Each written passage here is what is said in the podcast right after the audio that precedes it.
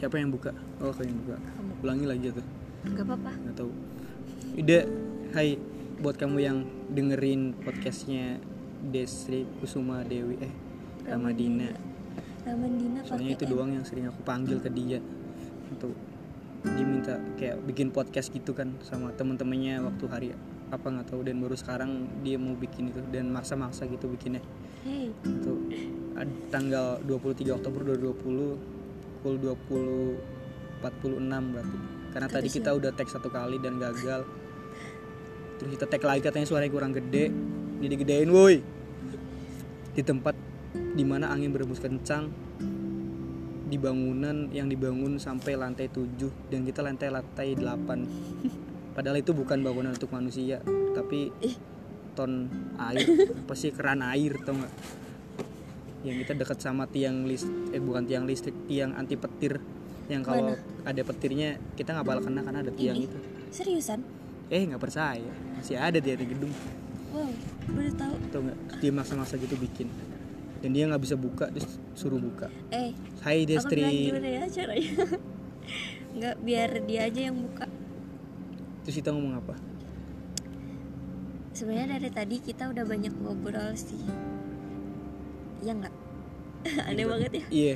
Ini Jadi kayak- bukan tau gak sih ini kayak dokumenter yang dibuat tanggal 23 Oktober. Udah yang bilang. iya Tadi udah bilang ya kan dokumenter yang dibuat tanggal ini. Buat nggak tahu buat didengerin sampai akhir ayatnya. Nggak tahu yang bilang ini juga nggak tahu calon orang yang datang undangannya atau calon yang undang orang-orang lain. Nggak tahu Ya, Terus kita bilang nggak pernah tahu realitas depan. sosial bahwa kehidupan sosial bukan hanya didapetin oleh keegoismen pribadi tapi lo hidup di antara orang-orang banyak dan dia berhasil nyakinin kalau lu nggak bisa segeis itu ke diri lu pribadi walaupun ke orang lain ataupun ke orang lain sorry dan nggak tahu mau ngasih pertanyaan-pertanyaan apa nggak mau tahu disiapin nggak tahu enggak Eh, itu dia udah kamu nggak baca emang? Ini udah ada pertanyaannya dari sini. iya Dia lihat. kamu nggak boleh lihat. nggak tahu apa yang akan ditanya Oke. Toh ini juga yang dengerin Desi doang. Kalaupun ada yang kamu yang dengerin kayak rasain kamu itu makanan eh kamu kayak kayak konsumsi makanan orang dan kamu rasain eh, makanan orang itu. Semoga rasanya nggak enak biar protes ke orang yang bikin ini. Ya nggak apa-apa protes aja. Aku suka diprotes. Jangan baca pertanyaannya. Oke. Eh, ya jadi kenalin tadi temen aku namanya Husti, Rizky Husti sih sebenarnya. Em, kenal sama dia 2018 ya Ti. 2018 dari suatu kegiatan. Terus jadi temenan sampai sekarang. Iya kita dipertemukan di kondisi di mana dia nyebut. Dulu aku manggil dia cutting karena wajahnya boros. terus kayak, kayak aku nemu orang yang pakai baju jas hijau nggak tahu alama maternya. Terus tiba-tiba dia bilang gimana ilmu jurnalistik? Dan dia merasa pernah apa ya berkecimpung di dunia itu dan tertarik. Gak berkecimpung. nggak tahu nggak buat berkecimpung nggak tahu enggak dengan dia bilang hal yang paling ingin dia lakukan adalah membuat satu mading di salah satu organisasi yang dia daftar dan mempertemukan kita waktu itu Hmm, apa ya? Tuh, tuh. Ya udahlah intinya gitu. Sekarang kita satu organisasi. Aku mau nanya dulu berarti first impression kamu ke aku. eh sorry sebenarnya hal yang mempertemukan itu bukan di situ sih bukan ketika kita mendaftarkan dalam satu program di organisasi tertentu bukan itu pertemuan pertama sebenarnya. Pertemuan pertama adalah satu kita pernah masuk dalam satu kepanitiaan yang di mana dia harusnya masuk dalam divisi yang lu tahu gak sih kayak divisi yang harusnya divisi diisi oleh beberapa gender pria tapi dia masuk ke dalamnya. Terus itu ngelihat walaupun nggak terlalu banyak ngeliat dia sih. Karena yang Kamu tahu aku dari situ. iyalah yang gue dari dia adalah seorang perempuan yang kayak dengan tubuh mungilnya kayak ngelihat tapi ada tau sih ketika lu pernah kenal sama orang yang agak mirip sama dia terus lu kayak mirip miripin dia sama orang yang lu pernah kenal tau gak sih? Oh jadi rasanya gimana? jadi kamu tahu karena aku mirip seseorang ya waktu itu? Kayak bukan karena emang pure ngelihat aku sebagai diri aku itu itu itu adalah perspektif orang yang ketika temu orang pasti ada satu perspektif itu. Kok dia mirip ya? Hmm. kok dia mirip sama ini ya? emang wajah aku pasaran banget soalnya. Sebenarnya nggak pasaran sih. Lebih ke nggak tahu apa gitu. Saya bentuk fisik nanti dibilang body shaming. Sudah skip intinya dari situ. Aku bilang mung- mungkin mungil dan imut kali ya, biar diharga biar aduh ibu dibilang terima kasih.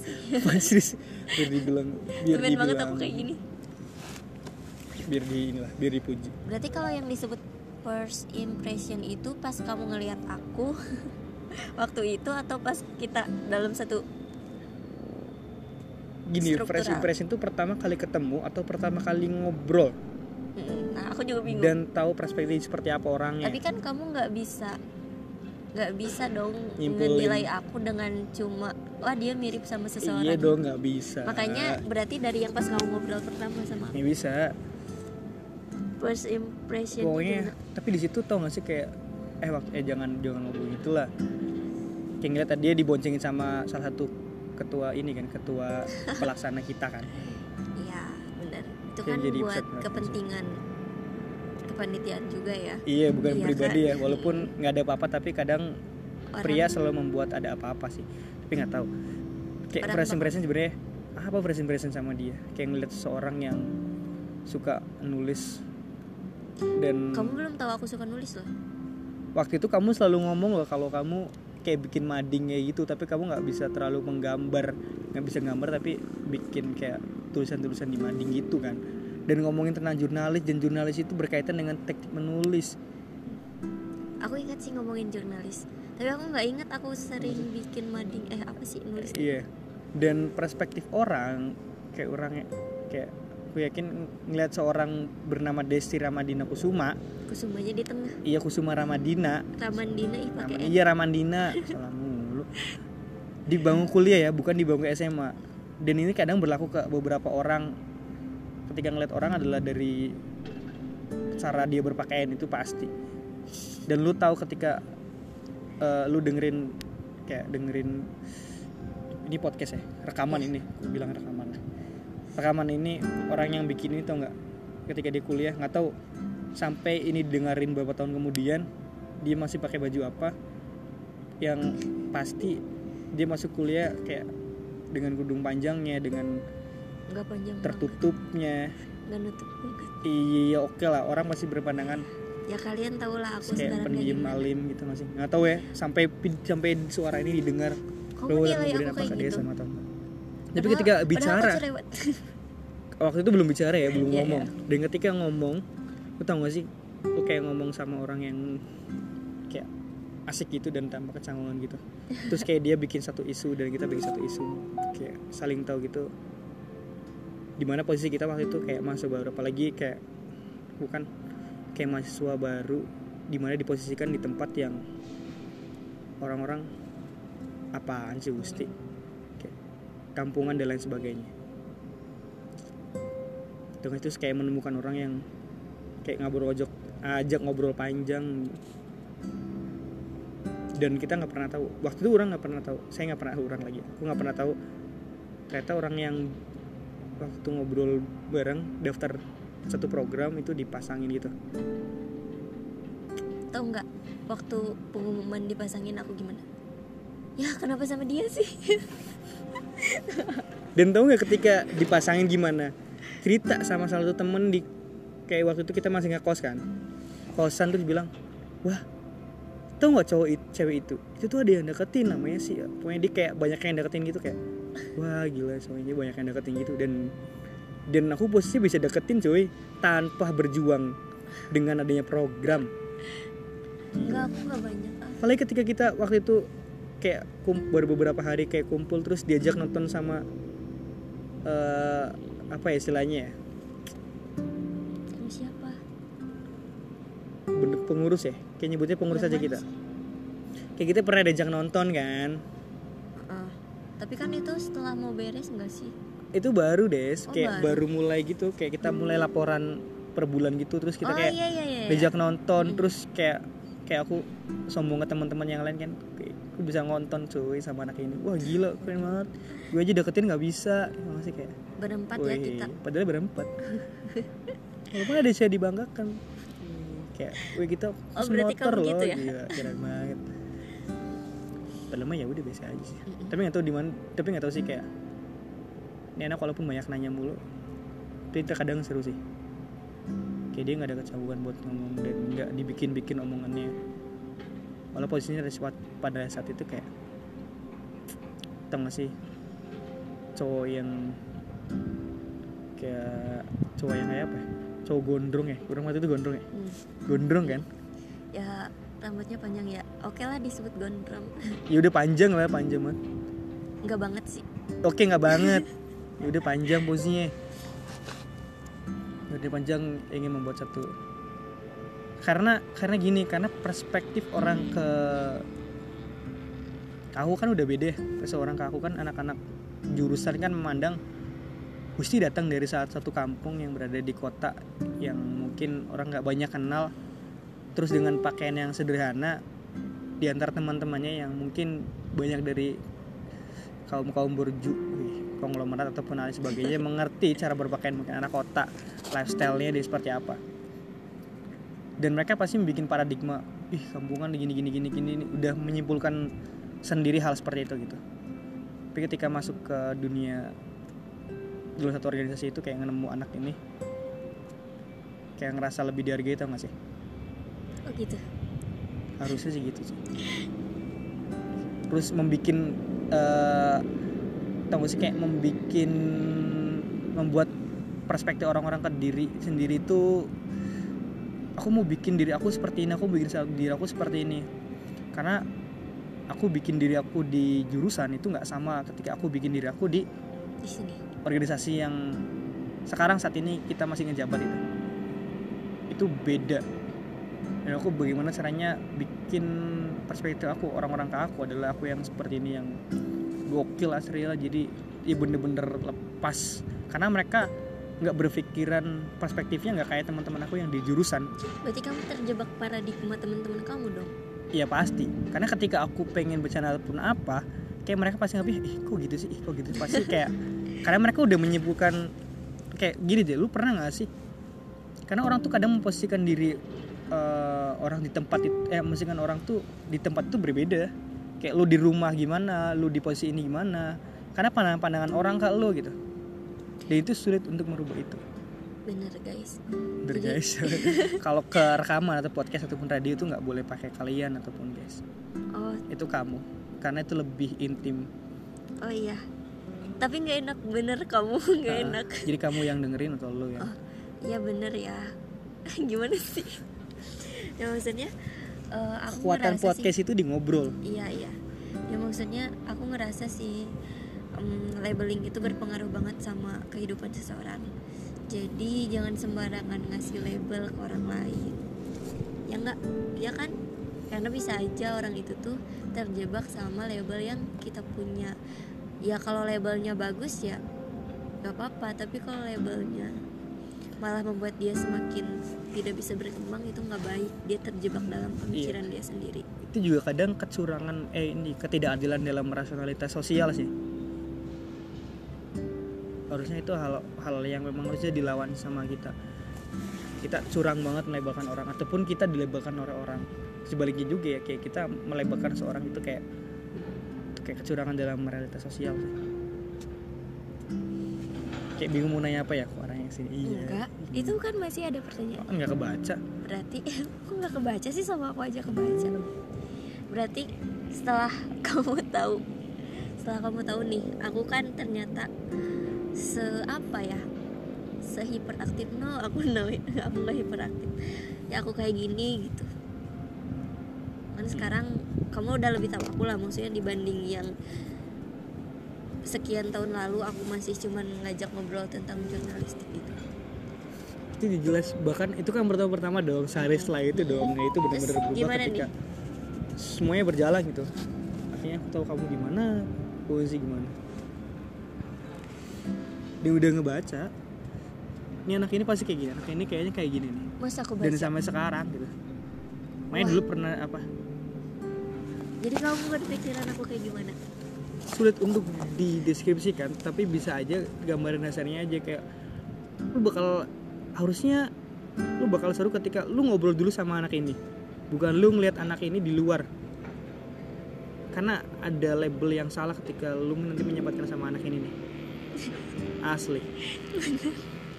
Aku juga merasa label itu salah. Nggak sih. Jujur aja deh ini orang-orang nih ini sekarang nih sampai tahun 2020 selama dia masih kuliah kayak orang-orang nganggap dia wih suci suwe gila alim suci. Jadi orang-orang eh ya tedes jadi kayak padahal sebenarnya sama aja cuma memang ada hal-hal yang keistimewaan yang dia miliki kayak don't touch ataupun hal lain sebagainya lah. Tapi kalau keranahnya ke sosial ke bicara enggak dia paling berani melakukan hal itu gitu. Walaupun ada satu yang merasa dia kurangan dalam dirinya ambil keputusan. Katanya mah itu. Iya kan? walaupun hal karena banyak keraguan yang dia miliki sih. Dan sampai sekarang pun dia melakukan sesuatu yang menurut aku itu udah bener kayak apa ya misalnya kayak ngomong enggak ke orang. Kayak dia sebenarnya masih ragu sampai sekarang pun kayak aku jahat gak sih? Ngomong kayak gitu. Padahal itu emang udah ranahnya udah udah yang semestinya lu lakuin gitu. Kayak itu apalagi tuh pertanyaannya nggak kebaca lagi. Kan aku udah sering banget nih bikin kamu kesel. oh itu. Kamu kesel gak sih sebenarnya? justru itu proximity yang mendekatkan gitu. Kayak gini ibarat mah Proximity. suplemen lu tau gak sih kayak lu li, li- lu yang dengerin ya.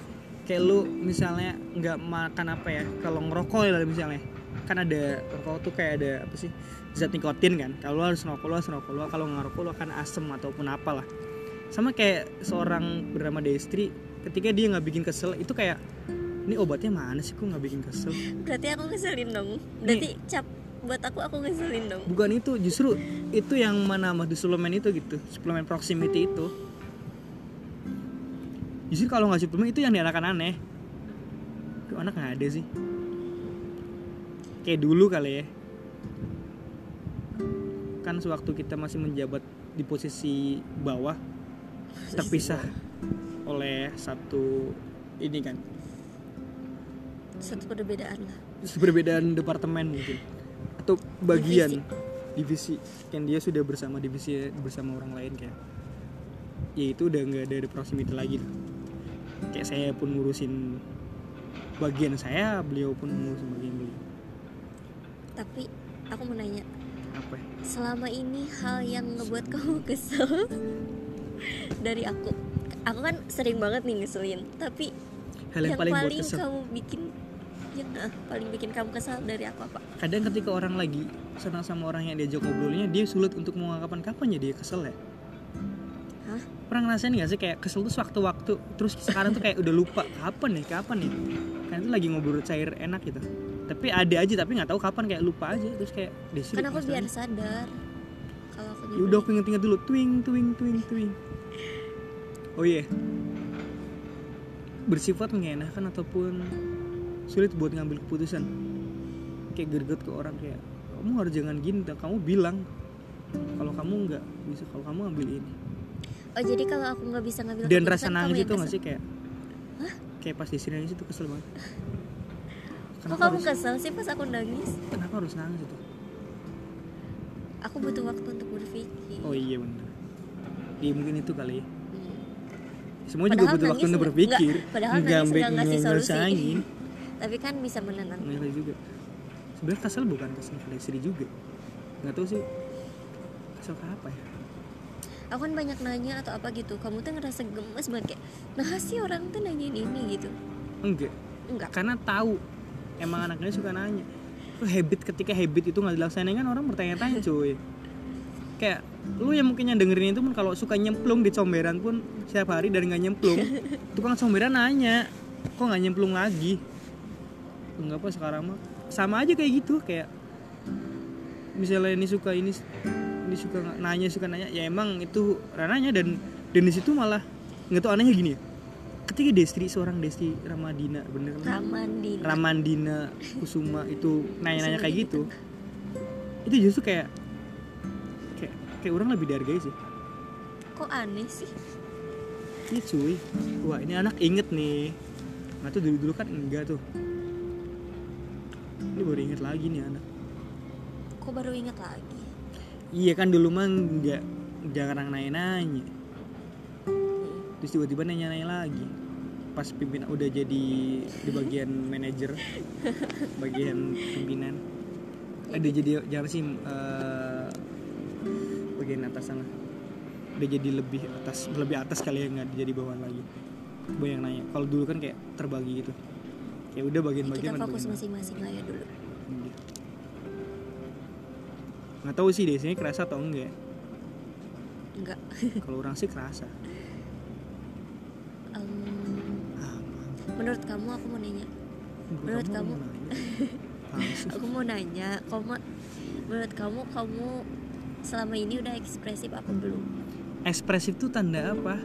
Karena enggak karena karena sebenarnya aku tuh ngerasa kamu tuh sejauh ini ya sampai yang yang sebelum kemarin kayak aku merasa kamu tuh tidak ekspresif gitu kayak karena waktu ini deh waktu kita nyasar waktu dari dari dari kita nyasar di Kopo daerah Kopo. Terus daerah Kopo Iya, iya, pasti iya, diketawain deh aku orang Bandung tapi nyasar di iya, Kopo iya. terus kamu tuh bilang kamu panik tapi aku tuh tidak merasakan kepan- panik? kamu tuh panik gitu kayak ya udah kamu nyetir doang. Cuman aku kayak kok nyetirnya jadi nggak bener? Aku jujur aku kayak kok nyetirnya nggak bener sih? Kayak hmm, tapi aku aku tidak menangkap itu sebuah apa ya ekspresi panik kamu gitu.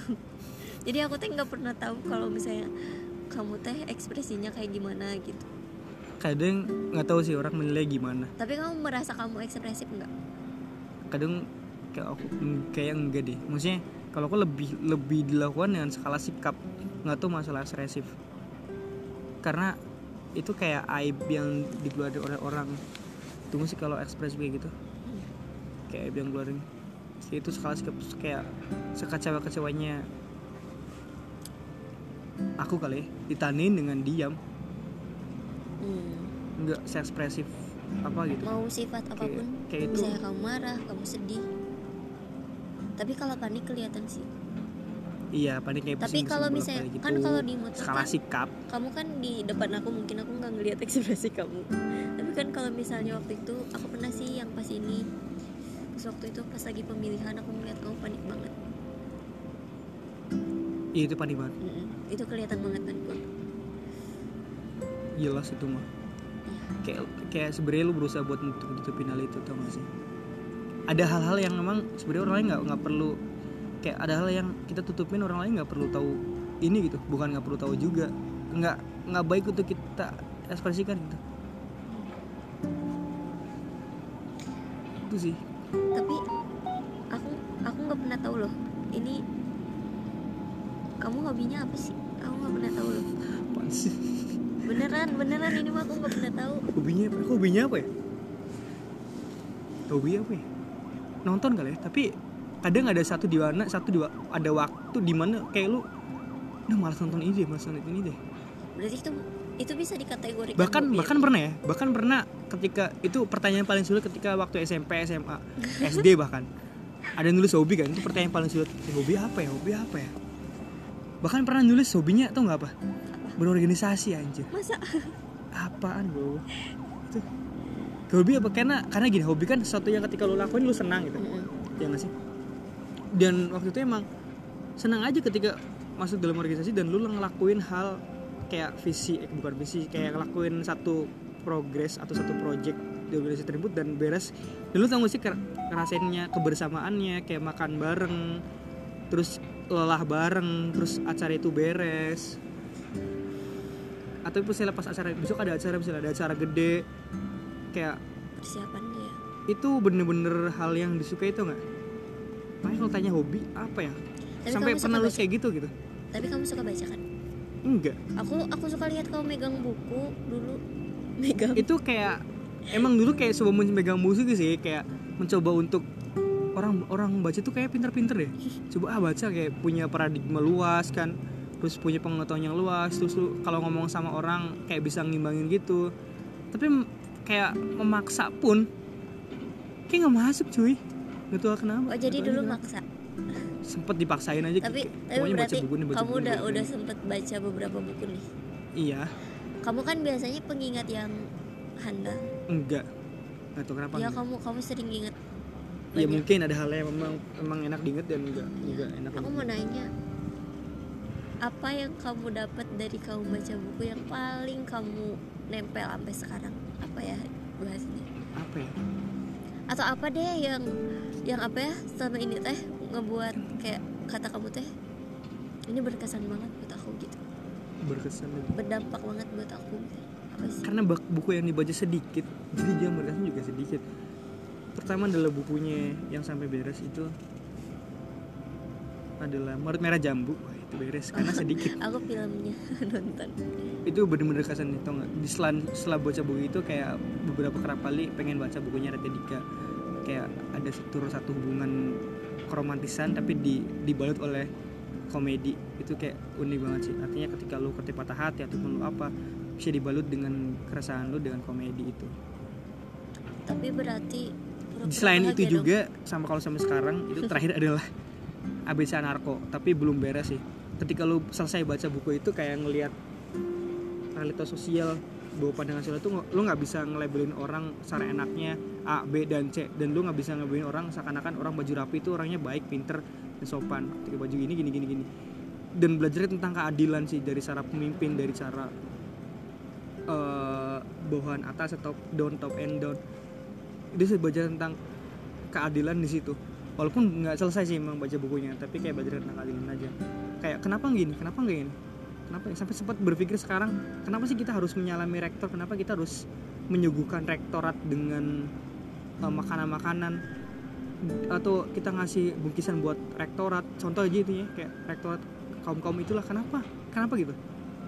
Lagi kita bayar ya nggak tahu dia bayar nggak sih kayak bayar kayak gini? Kenapa kita harus gitu? walaupun eh, secara pragmatis tangan akan bergerak sendiri gitu tapi secara pikiran sama kayak gitu. Makanya eh, suka nggak enak ketika melihat pimpinan kita kayak seolah-olah kayak nggak nggak boleh gini ini nggak adil nggak boleh gini nggak adil. Tapi nggak bisa diungkapin hanya bisa dalam kayak frasa pikiran aja. Kenapa keresahan bawahan nggak bisa diungkapin? Kenapa harus atasan nih hal-hal yang seperti itu yang yang emang kayak sampai sekarang kayak masih ada sih belajar tentang keadilan kayak gitu lah kayak kaum borjuis kaum proletas hal seperti itu ini yang terakhir.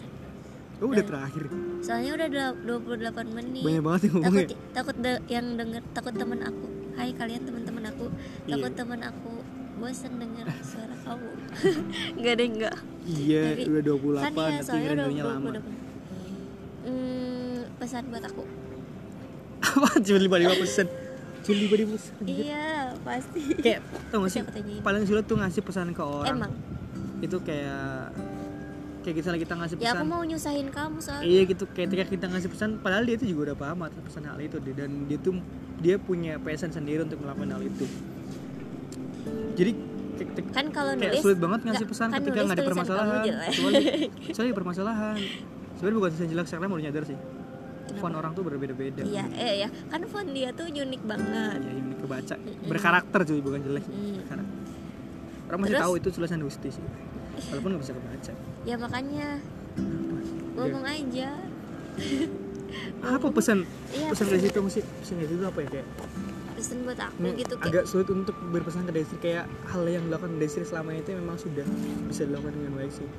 Dan Masa? ketika ngasih pesan di posisi-posisi kayak gini itu agak sulit tau nggak? Kecuali ada beberapa pesan-pesan yang disampaikan tuh di di masalah-masalah atau mungkin di problem-problem tertentu baru kita bisa ngasih uh, pesan itu kayak solution dibandingkan dengan pesan pribadi apa yang harus dilakukan oleh Destri karena setiap orang tau gak sih lu bisa bergerak apa yang bisa lu lakuin dan sekiranya itu nggak nganggur orang lain kenapa enggak kalau boleh kalaupun dipaksa ngasih pesan ke seorang bernama Destri Ramandina Kusuma hanya bisa. Kusumanya di tengah iya Allah Akbar Kusuma Ramandina.